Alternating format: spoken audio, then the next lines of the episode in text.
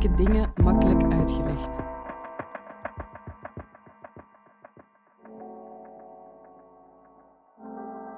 Dit is de podcast van Moeilijke Dingen Makkelijk Uitgelegd. Wie de wereld wilt verbeteren, moet wel begrijpen hoe die werkt. Daarom laten we in Moeilijke Dingen Makkelijk Uitgelegd een expert 10 minuten aan het woord om een complex onderwerp uit te leggen. Deze keer vertelt Philippe Keimeulen wat blijven nu kot voor daklozen betekent. Goedendag allemaal, ik ben Flip Keimeulen van eh, de VZ2 Diogenes. Ik ben straathoekwerker in Brussel en ik mag het terug eens komen uitleggen bij moeilijke dingen, makkelijk uitgelegd. Ik ga het deze keer hebben over blijf in uw kot en dat dan uitgesproken tegenover daklozen. Blijf in uw kot, dat was de boodschap die we kregen half maart. En dat was een heel problematische boodschap voor mensen die niet beschikten over een eigen kot of die geen woning hadden die voldeed om gedurende een bepaalde periode je daar in quarantaine te plaatsen. Mijn collega's en ikzelf, we zijn daar getuigen van geweest.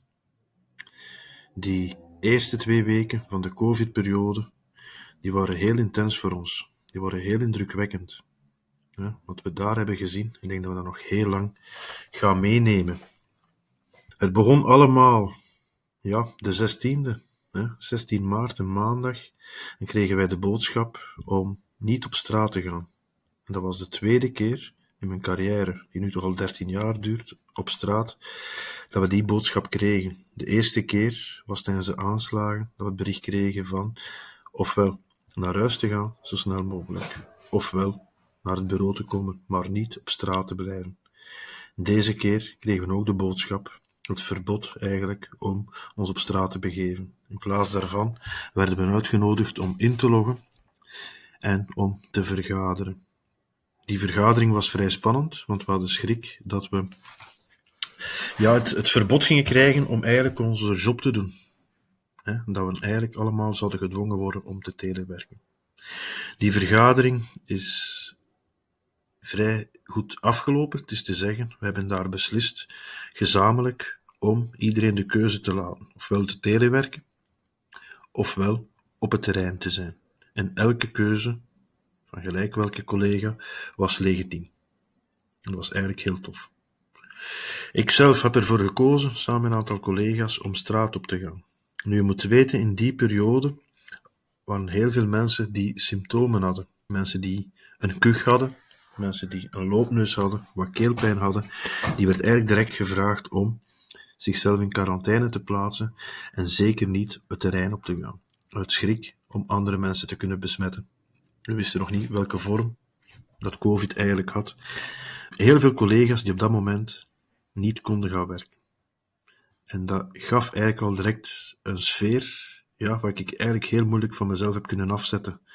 Iets wat ik, ja, een soort van schrik, een bezorgdheid naar de mensen naast mij, maar ook naar mijn collega's, naar de gasten, van wat gaat dit hier allemaal van effect hebben. Ik zat toen ook met heel veel schrik dat moest het virus vallen op een groep daklozen.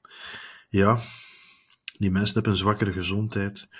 Hoeveel gaan er nog van overblijven? Welk effect gaat dat hebben op hen? Ik was eigenlijk heel bezorgd die eerste periode. 17 maart ben ik met een auto gaan werken. Normaal gezien doen we dat met openbaar vervoer. Maar deze keer werd ons gevraagd om zoveel mogelijk het openbaar vervoer te vermijden. En ben ik met de auto komen werken.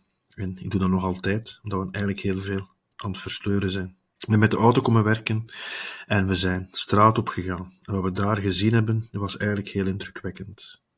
Ik weet dat in die periode de meeste mensen aan het lopen waren met gigantische grote hoeveelheden wc-papier. Wij waren vooral op zoek naar gsm's. gsm's om aan mensen te kunnen geven, zodat we, moesten we zelf ziek vallen, die mensen zouden van op afstand kunnen bereiken. Om te horen wat men gaat. We een aantal mensen die echt een heel zwakke gezondheid hebben, waarover wij heel ongerust waren. We hebben in die eerste weken ook heel veel dingen gezien. Het uh, officiële netwerk, het officieel functioneren van diensten, dat zat een beetje op zijn gat. Letterlijk. Hè. Het was heel moeilijk om nog een nieuwe vraag in een OCMW te stellen. Het was heel moeilijk om je uh, OCMW-assistent te kunnen bereiken. En dat was een probleem voor veel mensen. Veel collega's van de OCMW's waren ook aan telewerken en die waren wel bereikbaar voor andere collega's of mensen met uh, internettoegang, maar voor mensen die niet beschikten over een telefoon, die konden moeilijk tot aan het onthaal gaan en zich te raden vragen. Wij hebben in die periode gezien dat er heel veel mensen honger hadden. Je moet ook weten dat niet alleen het officiële circuit stil was gevallen, ook het onofficiële circuit was stilgevallen. Het was veel moeilijker om te bedelen, bijvoorbeeld. Want er waren geen mensen meer om een centje aan te vragen of om te vragen dat ze iets van eten zouden kunnen krijgen. Je moet je de stad eigenlijk voorstellen als leeg in die periode. Het leek wel of dat alle mensen die ja, de kans hadden om zich ergens te confineren, om ergens een woning uh, in te trekken, dat effectief ook hadden gedaan. En degenen die overbleven, ja, dat waren de mensen die dakloos waren. Dat waren mensen die slecht woonden. Hè. En die, ja, er kun je moeilijk een centje aan vragen, want de centjes zijn er niet zo heel vaak aanwezig. Toch zeker in die periode van de maand al. Het is een logisch gevolg van mensen een uitkering te geven dat lager is dan de armoedegrens, dat ze eigenlijk al op, vanaf het moment dat er twee derde van de maand, de helft van de maand gepasseerd is, eigenlijk al geen centen meer hebben. Omdat de inkomens te laag zijn om het tot het eind van de maand uit te trekken. Ofwel moeten we afspreken dat we de maanden korter maken, ofwel moeten we zorgen dat die mensen meer geld krijgen als uitkering. Want anders zijn ze gedoemd om er niet te geraken met de inkomsten die ze hebben. En dat gaat het effect dat mensen honger hadden. De sociale restaurants waren dicht. Er was nog maar heel weinig voedselbediening meer. En dat zorgde ervoor, de snackbars waren dicht. De plekken om goedkoop aan voeding te geraken, die, die waren dicht. Er waren ook lange rijen voor de winkels, want mochten ook met zoveel mensen de, de, de, de voedingswinkels niet binnengaan. Het lukte niet om op die periode het geduld te hebben om, om mee aan te schuiven. De, de behoefte zat ergens anders. Wat ik daar ook gezien heb, ja, dat, dat maakt hem eigenlijk heel ongerust. Hè. Je had het stuk honger, maar je had ook het stuk van, goh, het, het, het no can do. Hè. De, de, de mensen werd iets gevraagd om iets te doen waar, waar, waar ze niet konden doen. Hè. Ze konden zich niet in quarantaine zetten. Hè. Het was onmogelijk, want ze hadden geen woning, was ook niks voorzien. Hè. De, de, de, de nachtopvang zat vol. De nachtopvang, ja, dat is geen quarantaine, hè. dat is met veertig mensen in een zaal slapen. Dat is geen quarantaine, hoe je dat ook draait of keert. Hè. Plus het zat ook vol. Onthaaltehuizen zaten vol en die namen maatregelen om te zien van ja, hoe, hoe, hoe, hoe gaan we hier het, het COVID buiten krijgen, hoe gaan we de corona hier buiten krijgen. Dus het was heel moeilijk in die periode om daar eens een plek te bemachtigen in een taaltehuis. Dat was verdomd moeilijk. Hè. Dus mensen die het al wouden, geraakten er ook al niet. Hè. Het kon moeilijk ergens een huis vinden. Hè. Het was ook heel moeilijk om, om een woning te vinden. Ik denk dat het zelfs verboden was om op die moment nog, nog woningen te huur aan te bieden. Hè. Het was verschrikkelijk moeilijk voor die mensen. Er was geen optie om stappen te ondernemen om, om ergens binnen te geraken. Nu, als dat allemaal niet mogelijk is, ja, dan blijft er eigenlijk maar één mogelijkheid over, en dat is de boel negeren. Negeren dat er een gevaar is. Negeren dat er iets van jou gevraagd wordt dat je niet kunt doen. Hè. En dat, dat, negeren, dat gaf het effect of er ergens een, een luguber feest was ontstaan. Ik herinner me beelden aan de beurs ja, een vorm van postcarnavalbacchanaal, ik kan het niet anders omschrijven. Hè? Een, een, een, ja, de, een zatte fanfare op, op, op het dek van de Titanic. Uh, dat was er zich eigenlijk aan het afspelen. Hè? Mensen die niet aan de maatregelen konden voldoen, ja, die, die negeren dan ook maar alles en, en die gaan in een ander uiterste. Dat was heel vies om zien. Hè? Het was ook zo van dat er nogal vloekte met, met onze aanwezigheid op dat moment. Wij waren er om mensen ja, te informeren. Wij vonden dat mensen het recht hadden op informatie over COVID. En wij kwamen dan met maskers, met gelletjes en vragen om afstand te houden. Ik heb nog nooit zoveel distance geroepen. Normaal gezien zijn wij echt voor de nabijheid bij ons mensen. En daar stonden we dan. Riepen we distance, un metre cinquante. Maar die informatie kwam daar niet toe. Op dat moment toch nog niet. Nu, dat gaat ook effect op de politie. De politie was, uh, gevraagd om, was gevraagd om er ons op te wijzen dat we in ons kot moesten, dat we een afstand moesten houden, dat we niet mochten op bankjes zitten, dat we niet mochten, ja, gewoon wandelen in de stad. We moesten ergens naartoe gaan, of we moesten sporten.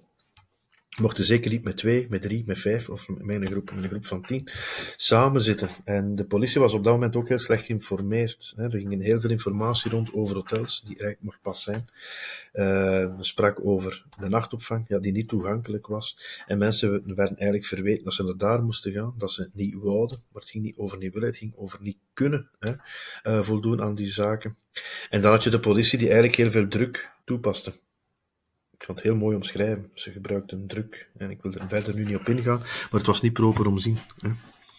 Er waren nog andere side effects. Ik heb juist gesproken over honger. Ik vond dat verschrikkelijk om te zien. Ik hoop het nooit van mijn leven nog te moeten zien. Maar dat je eerst iemand een blik tonijn moet geven, die dat dan in zijn keel doet voordat die kunt te woord staan. Ik vond het eigenlijk heel vies om te zien. En wat deden wij daar? Want we zijn niet alleen maar blijven informeren. We zijn eigenlijk heel snel terug naar ons core business gegaan. We zijn heel hard beginnen werken aan rechten, mensen tot hun recht laten komen, zien dat mensen toch recht hadden op hun uitkering en dat ook effectief niet alleen recht en ergens, ja, bij wijze van spreken ergens geld hadden, maar ook over geld konden beschikken om zich dingen aan te schaffen, om ja, te kunnen eten, om te kunnen voldoen aan de levensbehoeften. Hè. Uh, we hebben gezorgd dat er mensen medische zorgen hadden. COVID, maar ook buiten COVID. We hebben gezorgd dat mensen eh, toegang tot een advocaat hadden rond hun papieren. Hè. En we hebben mensen laten wonen. En over de laatste stuk, ah wel, daar ben ik nu echt trots op. In de die periode van COVID, waar niks mogelijk leek te zijn, zijn wij mensen blijven in woningen stoppen. Hè.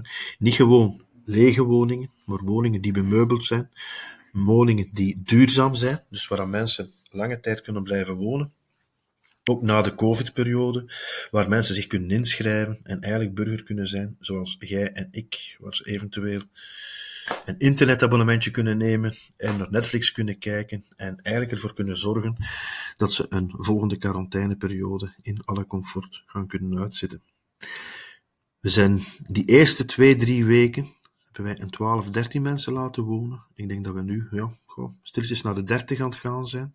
Sinds kort zijn er ook de hotels open gegaan waar we ook een aantal mensen hebben laten wonen. Uh, effectief laten wonen. Dus te zeggen dat mensen eigenlijk tot het einde van de quarantaineperiode, we hokken dan nu tot eind juni, kunnen beschikken over een hotelkamer waar ze ja, aan zelfzorg kunnen doen en wat ons ruimte geeft om met die mensen eigenlijk nog te denken van wat gaan we hierna doen? Hè?